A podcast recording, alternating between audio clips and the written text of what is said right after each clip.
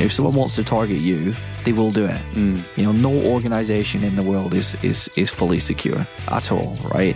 It, it's about having steps in place to mitigate that risk to, to ensure it.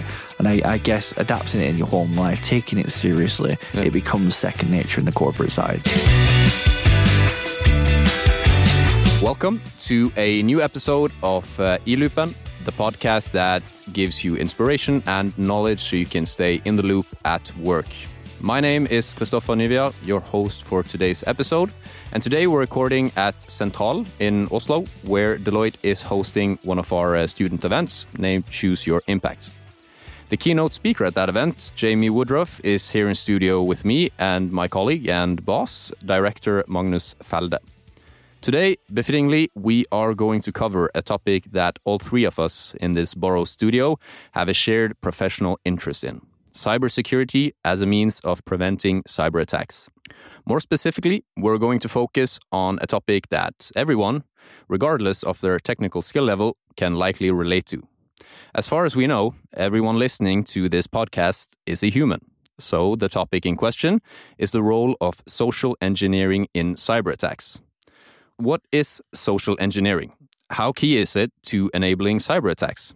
And how does the hackers of 2022 go about deploying this tactic? Before we dive into these questions and more, let me first give an introduction of our guests. Now in his late 20s, Jamie Woodruff is one of the world's leading authorities on ethical hacking and cyber security. He studied computer information systems at Bangor University in Wales, and he has uncovered security holes in numerous high profile companies. In that role, he puts computers or servers' security to the test. By trying to hack a computer, network, or server, Jamie can identify weaknesses to improve upon, ultimately protecting a big business against malicious attacks. Jamie also carries with him a reputation and as one of the world's foremost experts on social engineering, and he is cyber safety advisor for the CyberSmile Foundation, which specializes in online cyber bullying.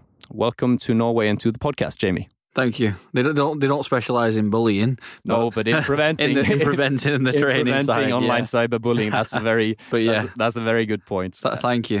I'll have to take it up with the boss, Magnus. Yeah. and uh, as Jamie points out, we also have with us uh, Magnus Felde, head of cyber strategy services in Deloitte, Norway.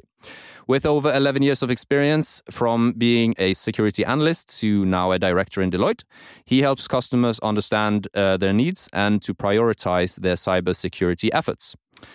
He also helps them build secure businesses that can face the ever changing threat climate and thrive at the same time. Pleasure to have you here, Magnus. Thanks for having me. So, uh, before we dive into uh, the the big uh, questions for today, I wanted to ask uh, both of you, and I'll start with you, Jamie. What is it about cybersecurity that makes you passionate about it? Why do you work with uh, cybersecurity? Um, I think it's just because, like, to me, I've always, you know, with my autism, I've always struggled to relate to people. Whereas with technology, I've always, it's always been second, you know, it's always been second nature to me, right? So whether it's, you know, being nine years old, taking apart a microwave to like do some induction stuff, or whether it's to kind of take apart a TV or see how it works and how it operates, I've always had that inclination towards technology. Um, and it kind of developed from from the fact that my father brought a computer on when I was such a young young age. And he kind of left me alone with his computer. I took it apart. I think he'd had it less than 24 hours. Um, forgot to put the, the fan attached properly onto it and uh, forgot to put the RAM in. Started making all these noises that I had no idea about. And then he took it back to the computer store. And what I used to do is break it, go back to the store, and then kind of learn how it would operate. Hmm. And then once I kind of mastered the the hardware side of things to you know all the components inside the machine, I always wanted to see well, we've got this GUI interface now, right? This mouse moving around. How does that work? What's the hmm. kind of software, the the the programming behind it? So I started looking at how I could break things. You know, I'd always wanted to to go a step further. So I started writing my own malware when I was like 10 and a half. Um, and in fact, my first kind of entrepreneurial journey in, in security, when I was growing up, when I was in trouble, like, you know, your parents, whoever's listening, for instance, probably grounded you, right? We had this term in England where you, you're not allowed to leave the house for a set period of time because you've been naughty. But to me, I didn't want to leave the house. Like, Yeah. you know, to, to put me outside would, would have been a form of punishment. Yeah. Um, so my mother and father used to take the internet off me, and that was like the worst thing that you could do until I learned to crack Wi-Fi, and then you know I was pretty much impenetrable, really. Yeah. Um, but what I used to do is I used to turn my neighbour's internet off. A guy called Jeff, and he'd knock on the door on Fridays, uh, and then I'd charge him ten pounds to fix it. So like Yeah. that was my pocket money growing up. Um, but yeah, so it's kind of developed from there, and all my life it's always been a shadow. It's always been a second part or a second nature. It's something that I find incredibly interesting, but constantly evolving. You know, it's it's never two ways the same. Like we have, you know, a set criteria or like NIST guidelines, for instance, like what we have to kind of follow or adhere to when we're testing. But you've got to really think outside the box, right? Some of these attacks that we're seeing are next level. You know, you wouldn't even put two and two together. Yeah. Um, you know, when we're finding vulnerabilities inside companies or organizations, we're essentially reliant upon okay, this series of steps has to happen for that vulnerability to be a threat, right? So mm. we might get something, but in order to, to get to the point where you can exploit it, it's almost impossible because you wouldn't think to do the series of steps or instructions. So we, we let that slip. Mm. But now we've got serious organized criminals that are doing them steps, that are doing them instructions. And mm. to me, it's it's a cat and mouse game, right? You take two steps forward and you, you're five steps behind you, you know, in the, in the next period of time. So I like that evolutionary aspect, but I transitioned from technology to the human side hmm. because I hate the fact that we're robotic, you hmm. know. So we wake up, we brush our teeth, we have a shower, we eat our food, we drive, uh, you know, the same route to work, we arrive at roughly the same time. Like we have the same group of friends. Like we are very easy to profile. Hmm. And to me, that's one of the scariest elements inside of an organization is their employees. But then equally, they're the first line of defense, the last line of defense inside of an organization. You should never even get to business continuity or kind of backup solutions. You, should never get to that point. Um, but unfortunately, you know, we're seeing like business every nine seconds being hit with ransomware and uh, different attack methods, and it's more the the evolutionary side. So that's what I enjoy and that's what I love. But one thing that people need to realize that are listening, you have cybersecurity individuals are like doctors. You have a neurologist, a dermatologist. There are so many variations of that word doctor. Hmm. Similar with security experts, you have the human guys, the hardware guys, the software guys, the database guys. There's so many elements. Yeah. And from a company perspective, you can't just employ a security guy. You need to understand exactly what the individual is and what their role is and what they're going to be uh, be doing.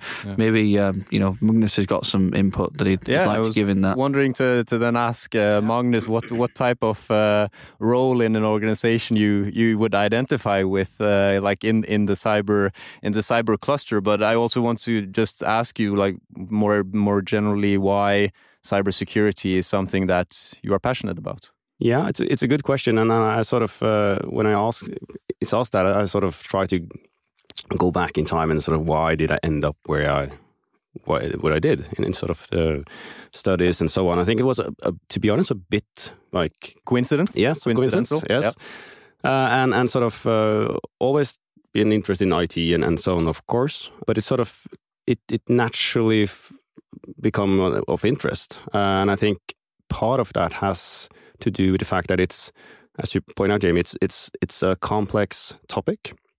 There's no one answer, there, so it's it's a difficult one, and you need to combine different. Uh, functions and, and uh, people to solve the problem. And I think that's what's fascinating and, and what drives me. So, um, having that sort of business view, threat view, uh, human aspect, technology, it's it's all just merging in together Mm. alongside with regulatory requirements. It's sort of it blends Yeah. in and, and sort of to solve the problem, you need to involve different people Mm.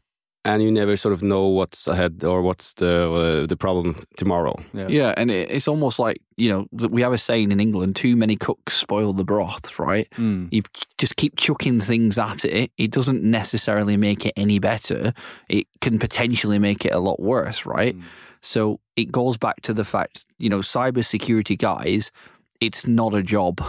You know, I always say like, you know, you you using the analogy like you're born into it like you know you live it you breathe it it's it's 24 hours a day. You know you you treat that infrastructure like it's your child. It literally is. Like you know the ins and outs and they're the type of people that organizations need. And with security guys you know it's it, it is that. You know they hmm. feel responsible for for every element. You know the finance department the the purchasing department like the production environment all of that they feel you know in, inclined towards uh, um, so for me, you, you've got to you've got to love it. Yeah. You know, it's, you can't just wake up, go to work nine till five, turn your phone off, not reply to your Jira tickets, not reply to something that happens. Like you were literally on call, like a doctor. Mm. You know, you could get phoned at any point in time.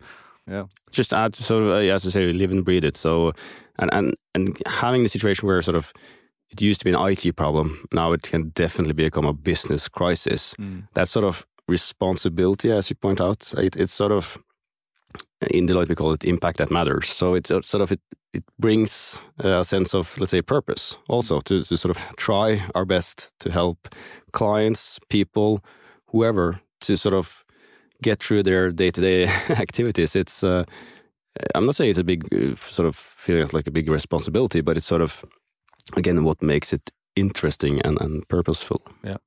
And just to uh, uh, to uh, then jump into uh, how uh, because um, when talking about the impact of cyber attacks uh, and now that it's not just an IT problem, it's a it's a business problem.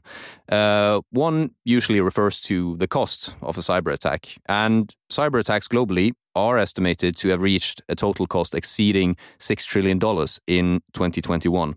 And on average, a cyber attack cost a victim $4.2 million, roughly 42 million Norwegian kroners. And interestingly, a reported 91% of cyber attacks start off with an email, and an estimated 98% of cyber attacks are caused by utilizing social engineering in one form or another. So, Jamie, what is a good way of defining social engineering? Hacking people. Hacking people. I mean, we will get it simpler than that, but Yeah. yeah. I mean, you made a really valid point. Like you said, ninety-one percent, right? So it, it's always the human side that lets the infrastructure down. Mm. Like it's it's hard to say and it's horrible to say, but majority of your employees are not shareholders, mm-hmm. right? So they don't they're not from kind of like director level, etc. Inside of an environment, they work there nine till five. They receive the paycheck. They do as much as they possibly can within that nine till five period, but that's it. It's gone. It's disappeared. Relaying, you know, teaching and educating them about cybersecurity is one of the most difficult stages because it's just a job. It's not something that we live and breathe. Like going back to the security analogy, you know, we're there all the time. We're worried all the time.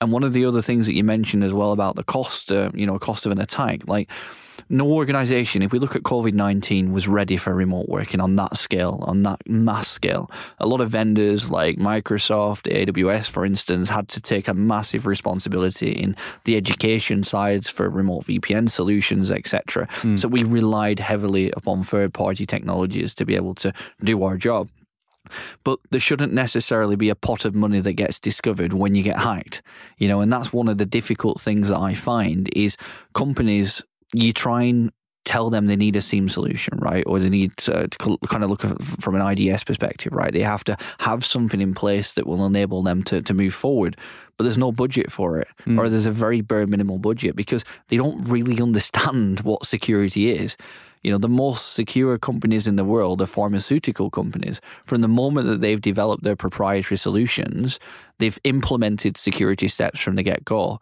Financial institutions are one of the least, you know, most securest organizations. Same with government because they've grown so rapid, rapidly on, on legacy technology hmm. and haven't adapted them solutions. So it's more so how do we kind of bring that area back in house? You know, mm. like this is what we need. This is exactly the reasons why. You know, we need these firewall solutions. We need replication. We need remote offsite secure storage. Like, you know, there's organizations turning back to tape solutions because yeah, it might take a bit longer to recover from it, but there's physical implementations that you can put now to stop that getting hit with ransomware. Yeah. And that is a big threat to companies. You know, it starts with an email, but where does it go? Yeah. And you also mentioned in your in your keynote you you uh, described uh, the social engineering process that you use yeah. and that that uh, that you travel around and uh, help uh, companies experience exactly uh, in what way one can be socially engineered to then be then enable a cyber attack. Would you mind um, sharing some of the, yeah, the steps from I that mean, process with us? It kind of starts off with like the reconnaissance side. So you know the first couple of opening lines, he was like, uh, Magnus, my boss, right? Mm. So immediately that's got authority or charge. So maybe he's a person I need to look at to gain access because of that reference. So it's mm. it's just little subliminal stuff like that. I don't I don't care about the people that say we. Sorry, we can't do this. We can't do that. They're family orientated employees. They really do enjoy the infrastructure and enjoy the awareness. Mm. I'm looking for the ones that are saying they they never do this. They never do that. Mm. That's a good analogy to use. Mm. But part of what I do is is online reconnaissance. So studying social media profiles, LinkedIn, Snapchat, any information that I can find about you, I'll find because 95%, if not more, of our day is online, right? Always with emails, with what we're doing, sending, buying, shopping, etc. It's it's online. So you're leaving these breadcrumbs all around the internet. Mm. Maybe tomorrow you want to lose weight, right? So you sign up to a weight loss forum. In two weeks, if you're like me, you give up and you start online gaming and do something else, hmm. right? But your data is still there we do have the request to delete our information with GDPR and we, we have a right to request what's stored, mm. but we don't utilize that. We don't reach out because we can't be bothered, right? Yeah. So we just need to be cautious with what we leave. One of the other uh, things that I do is is profile individuals. So what watches do they have on? Do they have a nice silver ring, for instance, or is it platinum? Or uh, what car do they drive or vehicle? Uh, maybe they're on quite a substantial amount of money because they're senior inside that environment. So maybe I need to look at targeting them or maybe they have colorful socks and they work in marketing or sales, right? Yeah. But we give away a lot of this information from an ego perspective. Mm. And then select my attack vectors is normally focusing on like phone spoofing. So uh, remotely listening to conversations um, with any devices that I've implanted inside the corporate network. Yeah. Now, there's obviously a set legislative scope that I have to adhere to and follow to. You know, I can't just break into a building and start smashing doors and windows and no. interrogating employees via waterboarding. I mean, you just can't do that, right? Yeah. It's got to be within the remit of scope that the organizations have set. Yeah. But these malicious guys have no scope. You know, they will mm. sit there for long periods of time because the payout and the win at the end of it is massive. Yeah even some other stuff like um, you know tailgating, following you around inside your infrastructure, attempting to gain access, looking at what third party suppliers or contractors that you guys utilize, looking at what uniforms you use, what badge system do you have, can they be cloned with Proxmark devices, for instance? You know, mm. there's some stuff still on HID that you still see in um, the financial sector, which is like ridiculous, right? Mm. Um, so it's just simplistic stuff. Well, I guess it's not simple, but it's it's stuff that it almost needs to be the hygiene type approach to security. Yeah. I've mentioned it before. It has to be adapted in your personal life, right? Yeah. You, you you wash your hands because of COVID. You should have done it before, but we do it a lot more now, right? Of course. We purchase hand sanitizer now more than ever because we're just overly conscious that it's mm. being drummed in. If we adapt security to our home life, educate our children, you know, teach our peers, etc., it becomes second nature subliminally, and you start to question it. And companies now have really good education, education and training uh, for their employees in regards to cybersecurity, but they're doing it in an animation way or mm. a really simple way that they can then adapt, um, you know, in the home life and stuff. So I guess it's the approach that we take. Yeah. And Magnus, uh, how much emphasis do we in Deloitte place on so the, the human aspect of cybersecurity when we talk to our clients? Because as mm. Jamie exemplifies here, there are a lot of very uh, physical things that you can do in order to gain that uh, initial access that you need to start uh, roaming around in the uh, the more technical and electrical side of uh, cybersecurity. As with uh, many others, we, we do sort of take a holistic approach to this. So focus on the people, process, and technology dimensions, definitely. So it's it's definitely part of it. And I guess uh, as an example, so when we do what we then define as transformation programs, Mm. uh, so basically helping clients go from one state to another, that is definitely part of sort of the, the solution. So, so addressing the people dimension, helping them get to a, a sort of a state where we achieve lasting change. That is sort of our goal. Um, and, and sort of how to go about doing that. So it, it's a difficult topic and it's, you, you need experts to help do that because I'm, as a sort of a cybersecurity expert, that's not my field. Um, so in Deloitte, we we work with uh, our colleagues from what we call human capital, which are basically experts on change management and communication. Mm. So, uh, in a sort of a cross functional team, we help our clients then understand how to make that change lasting so Mm. that when we go out the door after two years, three years, however long that transformation program runs, the, the desired behavior sticks within the organization. Yeah. Um, and, and that's sort of many ways to, to go about doing that. But um, the the way sort of we look at it is that, or our starting point is that, again, it's not the organization that is changing, it's on the individual level. Mm. So each individ- individual or employee has their sort of uh, stories, their perspectives, their competence, and so on. So we need to tap into that and, and sort of make them aware of why they need to focus on this. Yeah. Not Uh, just telling them you have to do this because, but actually yes, make, ma- making them part of uh, of the whole change and having them see the why to why we have to focus on this. Yeah. So, so it's sort of before we, we are able to sort of tell them what to be aware of or sort of how to catch some of those uh, attack vectors or be aware of that. So it's sort of why do this change need to happen? Mm. Why does it need to happen now? Mm. And what's what's the risks of not doing it? Yeah. Um, and then of course, and it's not easy. Let's just be honest about that. But sort of when that understanding is is established and the motivation, so to speak, to to think about this, because as you say, Jamie, they are there for just uh, collecting their paycheck. Uh, but you need to build that motivation, and then hopefully you you are able to Yeah. build on competence. Yeah, And it, it, it's stuff like you know internal bug bounty programs and um, making stuff that gets raised. You know, is some kind of incentive. Mm. It doesn't have to be financial, you know, but it's something that makes them want to be able to do that and go above and beyond their role and responsibilities. Because you know, it's not just like if you cook a hamburger, for instance, it's not you don't just put it on the grill. You've got all the food hygiene, the preparation. You've got so many elements to you putting that particular burger down. It's now like that inside of an infrastructure. You know, you're responsible for the email side of things, right? So how you're when you print something out, does it get misplaced? So the handling of information. So it's all these added roles that get chucked onto a person. They're not just sat at the reception desk taking in bookings. Mm. They're managing a whole remit of, of skills now that we've had to adapt moving forward um, and to kind of keep on top with things. And we rely a lot on third parties. You mentioned that human, um, what was it, human Human capital. human capital. Yeah. So like you rely upon them to give you the you know the right requirements and information and, and any legislative I can't say the word, but legislative changes that occur and you take their word for it because that's their expertise, right?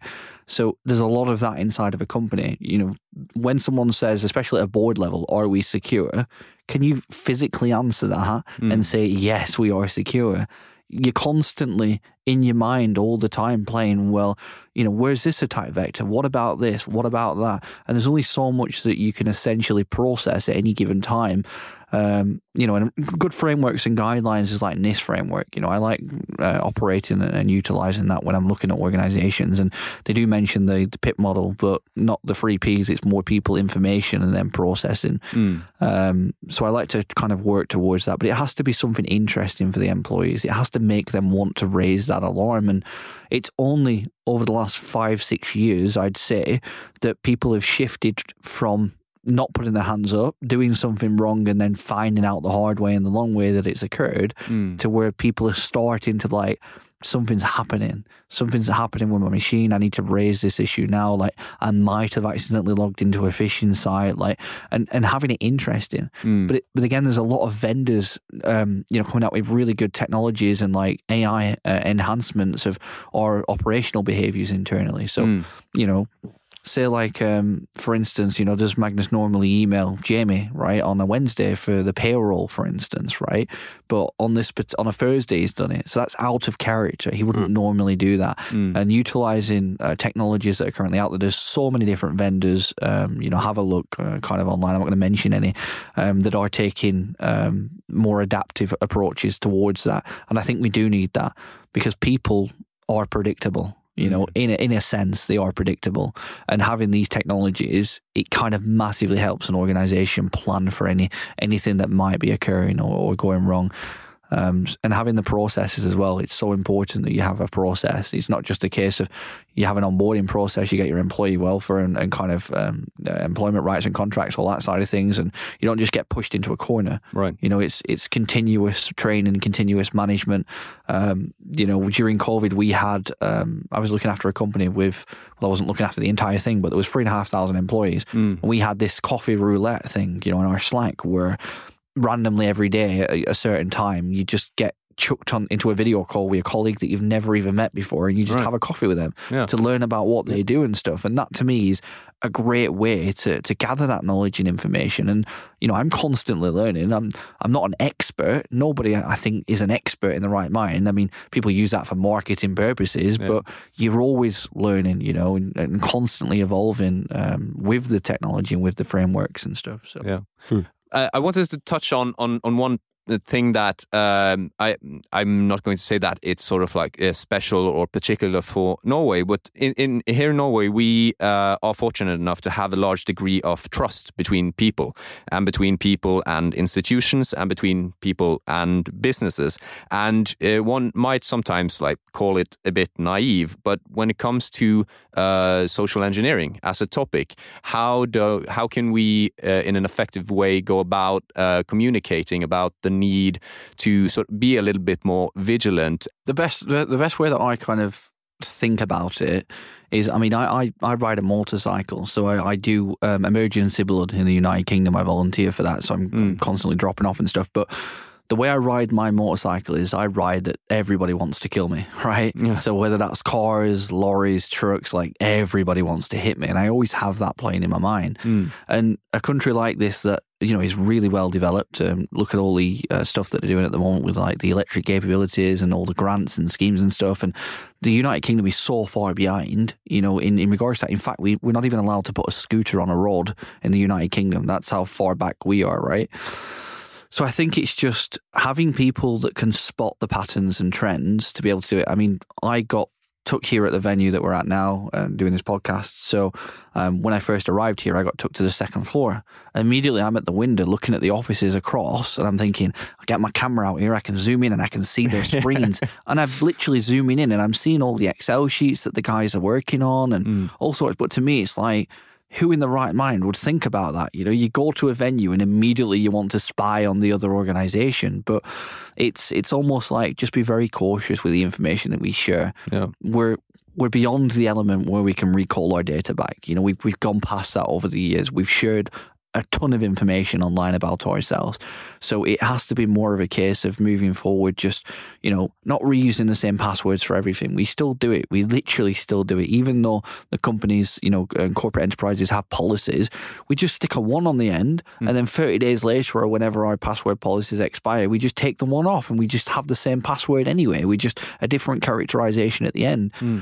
So it's, it's getting rid of that mindset. Like, look, this is what you're responsible for. Like, you know, imagine if you give away your financial information, how much damage that would cause to your organization or to you personally, for instance. Yeah. So just teaching the, the way that I kind of do things, and as you saw from my speech, is like, what's the point in talking about statistics? It has some element of, of you know, understand, uh, to be able to understand. But just scare somebody, like show them. You know, when I brought that lady on stage for the credit card stuff to show her her transactions, she's going to remember that for for for an awful long time. And the next time she goes to the um, ATM, she might think, "Wow, I'm going to hide my pin. Like that's really sketchy." Yeah. Some dude did this in 40 minutes. Imagine if it's just some criminal that's had all the time to plan it. Yeah. So I think that approach needs to, to be adapted. Um, there are vendors working on AI solutions that actually gather intelligence on your employees, not just doing work, but outside of work, and turn that into a game for them so it's relevant to them. Like, Yeah. this is the information that we found about you. You know, how can you prevent this in the future? Yeah. With the gamification of Um, security as well. Yeah, exactly. And it has to be fun and it has to be interesting. And, Mm. you know, I understand that, you know, in the financial sector, you've always wore suits, right? Or for hundreds of years, right? It's got to be some form of uniform or identification of that particular level of individual. Yeah. But now we're in a world where we can just stick shorts and a t shirt and just go into, like, I don't know, Google HQ, for instance, and then you're good, right? Mm. And that needs to be adapted. That kind of sense of well being you know, taking the individuals more important than what the processes of the actual business is, Mm. Is a massive value for that organization. Yeah. You know, I get employees are seen as cattle in certain industries and it's horrible. It really is. But that's just is how do we relay that across? You know, how do we kind of get that across? Yeah. And Magnus, it's it's um, sometimes in in our uh, industry, it's uh, said that uh, we have to be uh, right every time, but the attacker only needs to be right that one time. Uh, and it can sometimes then seem like a bit of a daunting task to uh, figure out how to stay sort of protected uh, from from all of this. And uh, we don't want to to put any like this is like uh, anybody who's sort of the the weakest uh, the weakest link. But what do you think is uh, one of the most important parts when sort of addressing because we've talked about uh, letting employees know that know the why of why are we uh, why do we have to focus uh, on this but what is the what is the next step sort of uh, beyond that where where do we go from there good question. and I, I, I, of course, I don't think sort of employees are the weakest link because, of course, we are just humans, and the attackers exploit our sort of, as you mentioned, the trust, but also the the kindness Yeah. that, that we as human beings have, and and sort of have taken us as far as we are now. So it's sort of a good thing. Yeah. But of course, an attacker will always find ways to exploit it if it's a flaw in the software or, uh, let's say, not a flaw, but sort of just the way bus- or humans are. So Mm. that's an important part. But I think, of course, we will never be 100% secure. It, it, we need uh, sort of a layered security approach. So Mm. both, of course, human human aspect, but also technology and so on. So together, sort of try to secure what needs to be secured. Mm. Be more aware of what really needs to be secured. We Mm. can't secure everything. So Yeah. find out what really matters to you, and then try to let's say uh, segregate and, and make sure that that's protected as good as possible. Yeah. And then ha- have more, let's say, um, focus on on detecting suspicious activities and so on, so that you can respond more actively. So, Yeah. for example, you mentioned COVID. So when they saw things happening, they they sort of implemented quite strict uh, controls Mm. which of course then the day before wasn't implemented. So they adapted the regime based on the actual threat, which were uh, the case. Yeah. So I think also in cybersecurity because it's it's sort of it's not tangible. It's It's, like spaghetti, isn't it? yeah, it's, yeah, It it's is. spaghetti, but it's also not tangible. So it's difficult to people to understand how this could happen. Mm. I think being aware of, of what's have an up to date view of what the threats are and, and and understand how the attacker works. That Mm. helps to also understand what type of controls and mitigation action you need to put in place. So having uh, such people as you, Jamie, to explain how they do this Mm. makes it more, let's say, easy to fix or to help mitigate as well. Yeah, and not only not only that, but being able to explain it to the board, like Yeah. very simple. Yes. You know, this is this is what's happening. You know, we've we've we've got some germs out there that makes us not go near people, and you know, simplified, mm. right? And that's what people need to to kind of adapt towards as well. Is how we Yeah. filter this information down, right?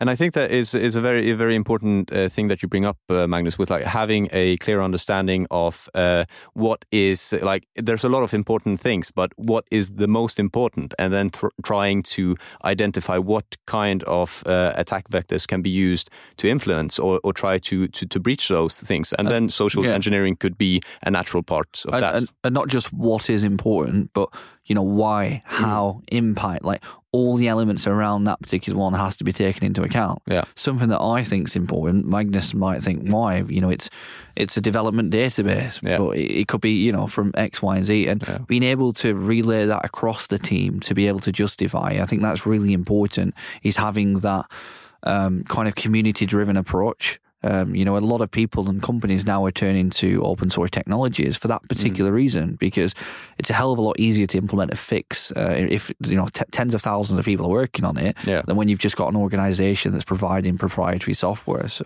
yeah. And we've been talking a little bit about sort of mitigating steps, but uh, if you could, for our listeners, Jamie, um, what are some simple steps that they can take, so both um, like for themselves privately, but also at work, like the um, the, the, the easy uh, the easy low hanging fruit. Yeah, I said I said this in my speech. I, I told you get rid of email and carrier pigeons. yeah, that, that's the way forward is carrier pigeons. Carrier right? Pigeons, until yeah. until we learn to shoot really well, and then we come up with some scenario. Right? Yeah, yeah, yeah. um, I think it's just like I said, adapt it in your personal life. Like take this important and seriously. Mm. You know, you need to understand what your assets are. You know, what what's at risk inside your household? Is it the financial element to it? Is it uh, some kind of maybe debts, for instance? Mm. You know, is is that another um, thing that we have to overcome? There's all these different things, but it has to be adapted in your personal life. It has to be taken seriously and believe me, you know, if someone wants to target you, they will do it. Mm. You know, no organization in the world is is is fully secure at all, right? It, it's about having steps in place to mitigate that risk to to ensure it. And I, I guess adapting it in your home life, taking it seriously, yeah. it becomes second nature in the corporate side. Absolutely, Magnus. Any tips for the listeners? I, I think it's it's a, it's a difficult one, right? Because it needs to be you need to make it personal and sort of how does this affect me and and in many of these cases it it, it doesn't because as you said uh, early on it's sort of it's it's the it's the business it doesn't affect me. But we are now of course in a situation where the life work life balance is sort of it, it's all blended. Uh, so our, our devices are both personal and part of the company infrastructure. So again it's it's all about education but but making sure that when we communicate all of this mm. we, we make it as let's say simple as possible yeah. and and relate relevant so that people understand. But I think sort of not yeah maybe the problem here is that not everyone, of course, will sort of be willing to invest what is required. Mm. So we will all have that sort of exposure. Yeah, that's part of reality, and I think we just need to live with that. But then again, that's why it's so important that we figure out what's our crown jewels, protect them as best as possible, and accept that not everything can be saved because that will cost too much money and it's not possible anyway. Yeah, and it's where we kind of give input into technology from when we get to that precise point, right? Yeah. Someone that we, we could spend every day, you know, in our entire career trying to train somebody and they might not just get it, you know, that they might not be technically competent. They might not like technology. And that's where we have to implement stuff. You know, that's where we have to rely on solutions and systems. So there's this kind of canny balance between, you know, the people side, uh, the the kind of the process side, the technological side. But I think a lot of money does need invested in the in the human side to security because that's one of the biggest weaknesses. Not necessarily, I'd say, people, but our intentions. You know, our willingness to open that door, our willingness to listen to someone, or um, to go down that sympathy route to be exploited. And that's as as humans as we are. That's what we're trained to do. So it's almost like overcoming that. You know, if if I say to a computer what's two plus two, right? It says four. If it says fifteen, it's it's my fault. You know, I've caused that problem. Yeah. So again, it has to be this balance. Absolutely. And uh, I think that uh, we uh, have to wrap it up there. We don't have infinite time, but this has been very interesting. And uh, if you, dear listener, found this uh, interesting, please tell someone you know about it and write us on Instagram or Facebook at Deloitte Norway. I want to thank Jamie and Magnus for joining me, and I want to thank you for listening. As we say in good Norwegian, vi høres.